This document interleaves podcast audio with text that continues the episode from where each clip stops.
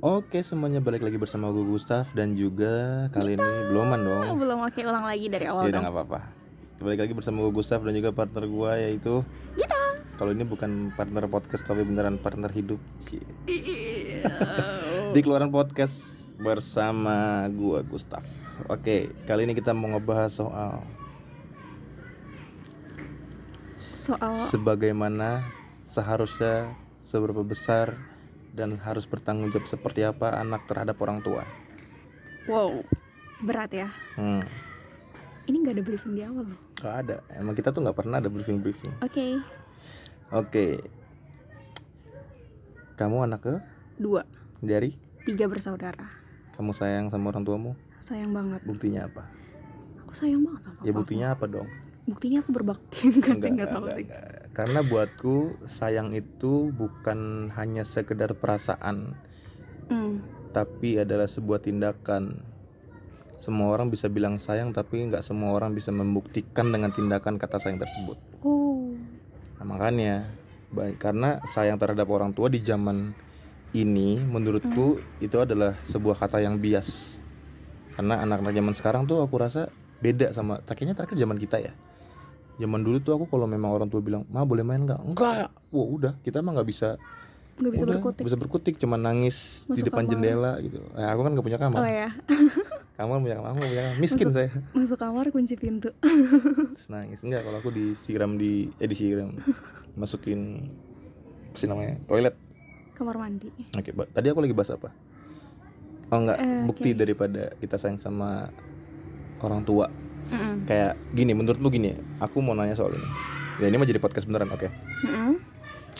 Aku kasih case di mana ada si A ini semester, uh berisik kali lah anak ini. Si A ini semester 5 kuliah Mm-mm. dan sebenarnya orang tuanya ini masih sanggup memberikan biaya untuk kuliah tapi memang agak sedikit pas-pasan. Mm. Tapi si A ini mau bantu orang tuanya dengan cara kuliah sambil bekerja. Tapi dia tahu di tengah kesibukannya dalam perkuliahan dia itu akan sedikit mengorbankan kuliahnya karena dia harus bagi waktu antara kuliah dan pekerjaannya. Mm-mm. Menurutmu apa yang harus dilakukan sama si anak ini untuk bisa membantu orang tuanya sebagai bukti dia sayang sama orang tuanya dan ber- berbakti kepada orang tuanya? Fokus kuliah. Fokus kuliah. Iya. Terus? Ya gimana ya? Tapi dia mau bantu gitu. Orang Iya. tuanya, orang tuanya bisa biayain tapi yang agak sedikit-sedikit kesulitan lah, pecah-pecah belangko gitu loh. Ah, Kayak kita. menurut aku fokus fokus kuliah sih kalau Terus? emang dia berbakti maksudnya gimana ya Kenapa? Kenapa? Kenapa nggak dicari kerja? nanti kalau ya tapi kalau misalnya dia emang bisa fokus sih ya oke Kalau dia bisa fokus. kalau dia nggak bisa fokus gimana sayang dong Masalahnya bukan bukan fokus atau enggak. Kefokusan itu bisa dilatih, tetapi ada faktor eksternal yang kita nggak bisa ubah, yaitu waktu. iya Jadi kalau zaman dulu pun aku, makanya kalau aku bisa bilang, kalau bisa aku undur waktu, aku pengen banget ngulang di masa kuliahku supaya aku beneran fokus kuliah aja, nggak sambil kerja. Karena kan 2014 aku masuk, 2015 aku kerja sambil kuliah, dan itu aku ngorbanin waktu di kuliah tuh sangat-sangat banyak. Sehingga kayaknya ilmu yang ku dapat di perkuliahan agak sedikit nggak sebanyak teman-teman yang lain. Tapi memang ilmu yang ku dapat di luar. That's why aku lebih mm, mudah diterima kerja. Karena aku tuh CV itu ya CV itu banyak pengalaman kerjanya. Tapi Hmm. minusnya ya itu aku jadi molor molor lulusin jadi ada uang lagi yang di ada kos yang lebih lagi. Ya gitu. Nah, nah kalau kamu gimana? Gue bingung.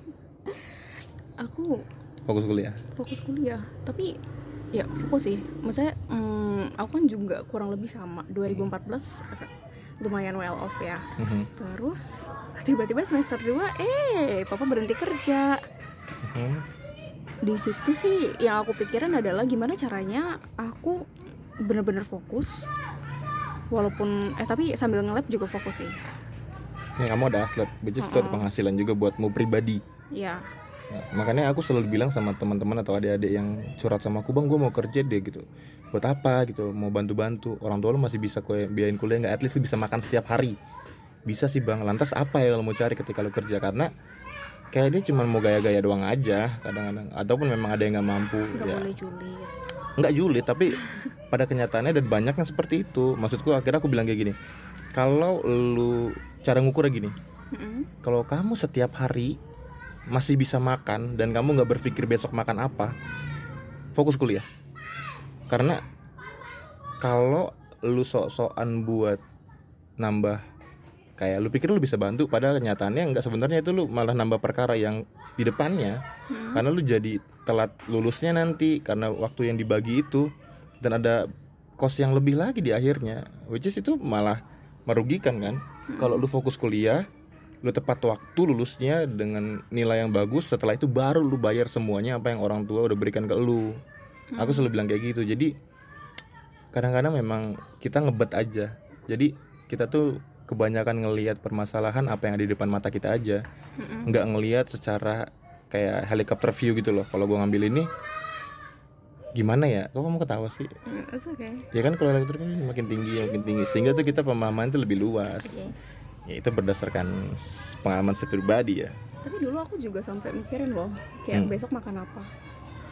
Ya ya makanya kamu asli. Eh tapi sebenarnya enggak juga sih. Asli kan bayaran dikit. Hmm? bayaran? Dikit. Bayaran dikit. Iya. Maksudnya berapa? Em, apa namanya? Ya bayaran asli nggak terlalu banyak. Yes. Ya emang kenapa? Itu kan subjektif. Oke. Kecuali nggak dibayar. Padahal dibayar. Nah baru kamu membuat sebuah eh, isu. Ini kan dikit atau banyak kan subjektif. Ya emang dikit ya maksudnya kayak gitu. Kadang-kadang ya buat teman-teman yang denger coba diperhitungkan lebih baik lagi. Kalau lu kuliah sambil kerja itu tuh lu harus double portion banget. Tenaga lu harus siap atur waktu lu harus bener-bener proper banget. Tenaga lu kekuras abis lu harus pasang otak lu tuh 24 jam penuh ya. Paling istirahat ya di malam tuh bener-bener oh, lu optimalin banget. Belum lu harus Tugas. mikirin beban tugas lu beban ini anak kecil bisa berhenti gak sih terus harus mikirin beban pekerjaan lu belum? Kalau diomelin dosen terus diomelin sama bos lu di saat yang bersamaan. Belum? Kalau lu freelance itu lu harus ditegar, dikejar target deadline itu kan makin depresi lagi. Ya makanya kita sebagai orang-orang yang pernah mengalami masa-masa itu tuh berbagi perasaan berbagi pengalaman bahwa kalau bisa lu selesaikan tanggung jawab satu ya lu selesaikan tanggung jawab satu ini dengan maksimal habis itu baru lu ambil tanggung jawab yang lain dan dan ya seperti itu. Tapi kalau memang urgent banget dan memang udah sampai titik yang anjir kayaknya kalau gua nggak kerja gua nggak bisa nih ya itu silakan. Berarti memang harus ada yang dikorbankan. ya iya Yang dong pasti. ya makanya aku selalu bilang tolak ukurnya lu kerja sambil kuliah apa? Kalau lu nggak mikirin besok makan apa ya berarti lu masih aman. Makanya karena kenapa aku bisa bilang kayak gitu? Apa ya udah banyak mungkin pahit manis kehidupan yang udah kurasain bersama keluarga pulang ke rumah. Bahkan tuh aku dari kelapa dua jalan kelapa dua sampai pasar minggu. Mm-mm. itu aku cuma dikasih ongkos 5000 ribu. Dalam hatiku wah kalau aku kelas pagi aku pasti naik angkot. Tapi kalau kelas siang aku pasti digigit nyamuk. Aku pasti jalan karena cuman bisa ngangkot sekali kan. Terus kah masuk siang nih. Berarti aku jalan. Itu kan masih kuat tuh. Tapi kalau udah seharian sore terus aku jalan tuh rasanya kayak capek banget. Maksudku kalau lu belum sampai yang berpikir dan pulang nih pulang tiba-tiba orang tua bilang dek eh, papa mama belum makan nih. Wah itu kalau lu masih belum kayak gitu ya lu maksimalin dulu kuliah lu lah. Bukannya berarti gua mau ngadu-ngadu kayak miskin-miskinan. Enggak tapi lu harus lihat tolak ukurnya lebih dalam lagi karena keputusan kerja sambil kuliah itu bukan keputusan yang main-main. Lu harus korbankan waktu. Waktu itu nggak bisa pernah balik lagi itu berharga banget. Kalau lu sia-siain lu berarti korbanin masa depan lu. Ya bagus kalau lu bisa perbaiki kalau enggak Mm-mm. kan bakalan gambling banget gitu loh. Masa depan lu tuh lu perjudikan dengan entah alasan lu apa ego lu atau cuman karena pengen keren-kerenan karena teman-teman lu kerja sambil kuliah banyak juga soalnya kayak gitu. Hmm. jadi difikirkan lebih matang lagi. Jadi buatku tolak ukurnya adalah kayak gitu. Kalau lu nggak nggak mikirin anjir besok orang tua gue makan apa ya? Ya udah yang penting lu lanjut kuliah aja. Kenapa sih kamu ngeliatnya kayak gitu? Nggak apa-apa aja asik jelas banget. Ya emang aku ganteng. Eh, nah gitu. Tapi terbesit nggak? Selain aslep kamu nggak ada kerja kerja itu lagi ya? Aku sempat aku sempat kayak ikut MLM gitu terus em, aku sempat ini juga apa namanya nyari side job juga sih. Apa? Nerjemahin buku. Oh nui. Bukan Oh, bukan. Nui lagi. tante aku. Ngamen pernah ngamen? Enggak. Aku dulu awal kuliah ngamen loh. Wow. bukan lautan enggak bener-bener aku ngamen. nanam juga. Tanam apa? Singkong sayur-sayuran iya. Itu kan ngurangin kos hidup. Karena kita oh jadi biaya makan ya yes Tapi memang poin plusnya ketika kita kerja sambil kuliah itu kita jadi bisa lebih survive ketika kita dalam dunia pekerjaan yang real. Hmm. Karena kita udah tahu lingkungan kerjanya, lingkungan gimana ya? Ya lingkungan kerja lah. Hmm. Karena dunia perkuliahan dan dunia pekerjaan itu sangat-sangat berbeda. Hmm. Buatku kalau di prinsipku nih ya, di perkuliahan kita tuh nggak cari pinter.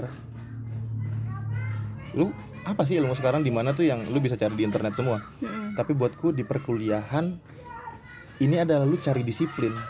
Makanya ada dosen yang gue bakar ntar anak-anak ini lama-lama nih.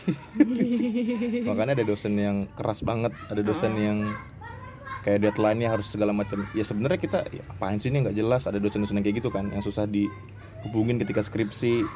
Ya itu ngelatih ngelatih mental kita dan ngelatih disiplin kita. Kayak kalau aku pernah diajarin sama bosku di salah satu sekolah yang aku sekarang lagi kerja, dia bilang gini, kalau kita kuliah kita salah satu kali dosen masih bisa kita kasih toleransi. Hmm. kayak ya sudah. Atau se- segala-galaknya dosen paling kita dimaki ataupun nanti kita diganti dosen yang lain masih ada kesempatan. Hmm. dan ya sudah gitu loh. Tapi kalau di dunia pekerjaan memang kita dibayar untuk sem- sempurna. Satu kali kita ber- berbuat kesalahan ya mungkin kesalahan remeh atau kesalahan yang besar dan kesalahan itu akan terus diungkit sampai sampai selama lamanya kita, kita kerja di situ. Even udah achievement yang lu capai apa tapi kesalahan itu tetap melekat. Karena memang kita sudah dibayar untuk melakukan kinerja 100% kalau kita melakukan kesalahan ya pasti itu diingat terus. Jadi kalau kita nggak disiplin ya bukan berarti kita nggak pernah buat salah. Tapi disiplin ini Hmm. yang buat kita survive sampai dengan pada akhirnya. Dan itu yang aku dapetin di dalam dunia pekerjaan dari 2015 sampai dengan pada sekarang gitu. Jadi memang ada poin plus minusnya jadi memang harus difikirkan. Bukan bukan sebuah keputusan yang lu cuman lihat berdasarkan teman-teman lu. Kamu ngapa sih lihat kayak gitu? Kamu jadi aktor tau gak yang teman-teman lu lagi lakuin. Eh, kayak teman-teman gue lagi freelance fotografer nih. Ah gue beli kamera ah. Itu lu bisa beli kamera. Ngapain lu? Ya gitu sih. Kalau masa-masa tersulit bagimu pada saat jatuh-jatuhnya itu apa aku pernah cerita deh itu tahun dua, itu tahun Dulu lagi ribut sama anak-anak ini. 2017 kenapa hmm, di mana bener-bener eh, kondisi ekonomi tuh tabungan papa udah habis Mhm. terus eh, aku juga lagi sibuk-sibuknya di kampus juga lagi sibuk banyak pelajaran Mhm. terus kita waktu itu ada dua lab eh dua ya dua praktikum terus kamu apa? jangan ngeliatin aku kayak gitu? Nah kan aneh. Tadi aku juga diliatin kamu aneh. Terus terus oh ya eh kita tuh praktikum satu. Cuma aku waktu itu jadi aslep tuh megang dua praktikum. Terus sambil PI juga sambil kerja praktek juga. Terus aku juga lagi di gereja lagi pegang dua pelayanan. Sama jadi ketua panitia gitu. Eh bukan ketua tapi masuk ke ke kepanitiaan oke berarti di itu lagi sibuk banget. Aku sampai mimisan mimisan aku breakdown nih takutnya pembicara bingung. Eh pembicara pendengar bingung. Ya jadi di kuliah kamu asap sedang disibukkan juga. Mm-mm. ditambah kamu juga punya kesibukan di gereja sebagai ketua pada saat itu. Mm-mm. kan dua pelayanan. dua pelayanan Mm-mm. eh, pengurus anak dan juga gerakan pemuda. Heeh. ditambah ada kepanitiaan juga. ada kepanitiaan juga terus berarti ada di rumah dua. ada uang. Di rumah ada, yang ada. Berarti ada 4 sampai 5 ya segitulah kegiatan Hmm. yang nge-pressure waktumu dan juga tentunya pikiran kamu. Terus? Terus? Itu masa-masa sulit. Iya. Sulit banget. Banget. Kita masih bisa makan? Oh masih. Ya, nyabut singkong depan rumah. Halamannya luas guys. Iya. Sama nanam sayur. Bisa muat. Dulu aku pernah jualan sayur juga loh. Bo sayur. Tapi enggak nggak keliling gitu, kan? enggak apa namanya? taruh-taruh doang kan? Em, jadi sayur organik gitu. Hmm. tanam sendiri petik sendiri terus aku bungkus yang rapi. Jual nggak pakai pestisida dijual. Laku? Laku laku sih tapi nggak jalan. Nggak bakat nah ya maksudku hmm. berarti kan memang bukan keadaan memaksa Hmm. tapi ya lu melihat kayaknya lu lakuin ini memang untuk ngepush hidup lu lebih lagi kalau memang keadaannya menurut lu kayaknya kayaknya gue masih bisa makan setiap hari deh. Dalam arti lu nggak mikirin banget ya udah go ahead gitu. Lu lakuin tanggung jawab lu di perkuliahan tuh sebagaimananya lu harus lakuin lah jangan soto-sotoyan Optimal. optimal. Yang maksudku satu tanggung jawab aja belum lu selesaikan terus lu harus ambil tanggung jawab lain. Apa yang lu harapin gitu loh. Kayak ditampar kan enggak Lah. susah ngejawabnya ya karena memang begitu kenyataannya Yes. kadang-kadang tuh kita tertekan aku bilang kena Ivan kita loh beneran hmm. kayak kita ngerasa bisa kayak bisa lah ini tapi ketika kita udah jalanin kita malah kayak kesusahan karena keputusan kita dan akhirnya kita nge-blaming orang Mm-mm. kebanyakan sering kayak gitu ah ini nih eh, orang tua gue gini-gini padahal memang lu nggak berpikir secara matang untuk mengambil keputusan dan tanggung jawab yang lu ambil di situ Mm-mm. Ya kalau ngomongin soal kayak gini ya udah banyak hal pahit manis yang aku rasain gitu. Tapi balik lagi tapi semua hal yang kita lakukan aku sih selalu percaya apa pun tanggung jawab yang lu ambil itu selalu ada poin plusnya untuk lu bisa survive dalam kehidupan. Apa pun ya apa pun. Yang pasti positif Yang bermanfaat. Yang bermanfaat. bukan tanggung jawab yang kayaknya gua harus tanggung jawab karena gua udah hamilin anak ini ya itu Ya. udah beda dong. itu memang andanya bodoh. Bukan tanggung jawab yang kayak gitu ya teman-teman ya maksudku kayak gitu kayak ya kalau aku masa ter ma, momen-momen terpurukku pada saat kuliah tentunya pada saat tahun 2015 itu kan. Jadi 2014 ini kan aku eh, aku kuliah di kayak dibiayain orang gitu kan. Mm-mm. tapi karena satu dan lain hal akhirnya harus putus biayanya entah karena apa. Dan sepoin makanya aku kerja pada saat dari 2015 sampai 2000 ya sampai sekarang sih itu kalau kamu tahu di anak-anak industri itu udah mau iuran loh. Maksudnya biar aku bayar semester. Aku udah pernah cerita Ya, kan? aku pernah cerita. Kayak nggak usah lah ngapain? Eh tiba-tiba ada orang yang telepon dan mau lanjutin biaya itu. Tapi kan biaya nggak cuma sampai situ doang masih banyak biaya-biaya yang lain. Akhirnya juga aku putuskan untuk kerja dan juga ya bertanggung jawab buat dapur supaya ngebul. At least gue bisa kasih makan emak bapak gue adek gue gitu loh. Makan dulu aku jarang pulang. Kalau belum ada duit tuh aku nggak berani pulang karena ketika pulang terus ngelihat papa mama kayak dek eh lebih lebih banyak sih mama gitu. Papa sih jarang dek mama belum makan nih gitu. Itu rasanya tuh kayak mending gue mati aja dah. Daripada gue ngeliat mama bapak gue kayak gitu tuh rasanya anjing nggak guna banget gue jadi anak. Ya itulah makanya penyebab gue pada saat itu di 2015 memutuskan untuk kayaknya gue harus kerja deh. Hmm. untuk bisa bantu. Ya nggak apa-apa gue korbankan yang penting yang jelas gue mengorbankan untuk sesuatu hal yang berharga bukan untuk suatu hal yang mungkin ego gue atau karena ikut-ikutan temen. Enggak ini beneran karena gue sudah pikirkan matang dan gue udah pikirkan oke gue berarti eh, har- mau nggak mau. Itu aku sampai breakdown. Setiap aku semester baru aku tanya-tanya nih dosennya ini dosen ini killer nggak? Dosen ini bisa nggak di lobby untuk nggak masuk tapi ikut ulangan dan bisa nilai bagus? Dosen ini kira-kira gimana? Jadi itu aku aku aku breakdown aku tanya-tanyain ke eh, kakak kelas kakak kelas ke teman-teman. Iya, jadi makanya pernah gitu nanya kamu gimana kerja full time tapi eh, kuliah juga bukan kelas karyawan? Reguler. Iya kan, ya aku bilang ya cincai cincai sama dosen ya. Harus ada yang aku korb- korbankan. Kadang juga aku juga dari awal ah dosen ini nggak bisa nih berarti ya udah dah nilai gue deh gitu ya udah ntar untungnya Gunadarma ada wow wow wow wow. Wow wow wow. Nggak Gunadarma sangat memfasilitas memfasilitasi. memfasilis mem- memfasilitasi. memfasilitasi memfasilitasi mahasiswanya oke. buat lulus secara bertanggung jawab. Gitu lah jadi aku sampai mikir kayak gitu kayak oke kayaknya nggak apa-apa nilai D nanti di gua ini gua ngulang gitu lah intinya. Oke. Jadi aku sampai sampai aku breakdown planku tuh seperti itu. Kalau lu teman-teman belum sampai sebegitunya ya coba pikir dua kali lagi deh.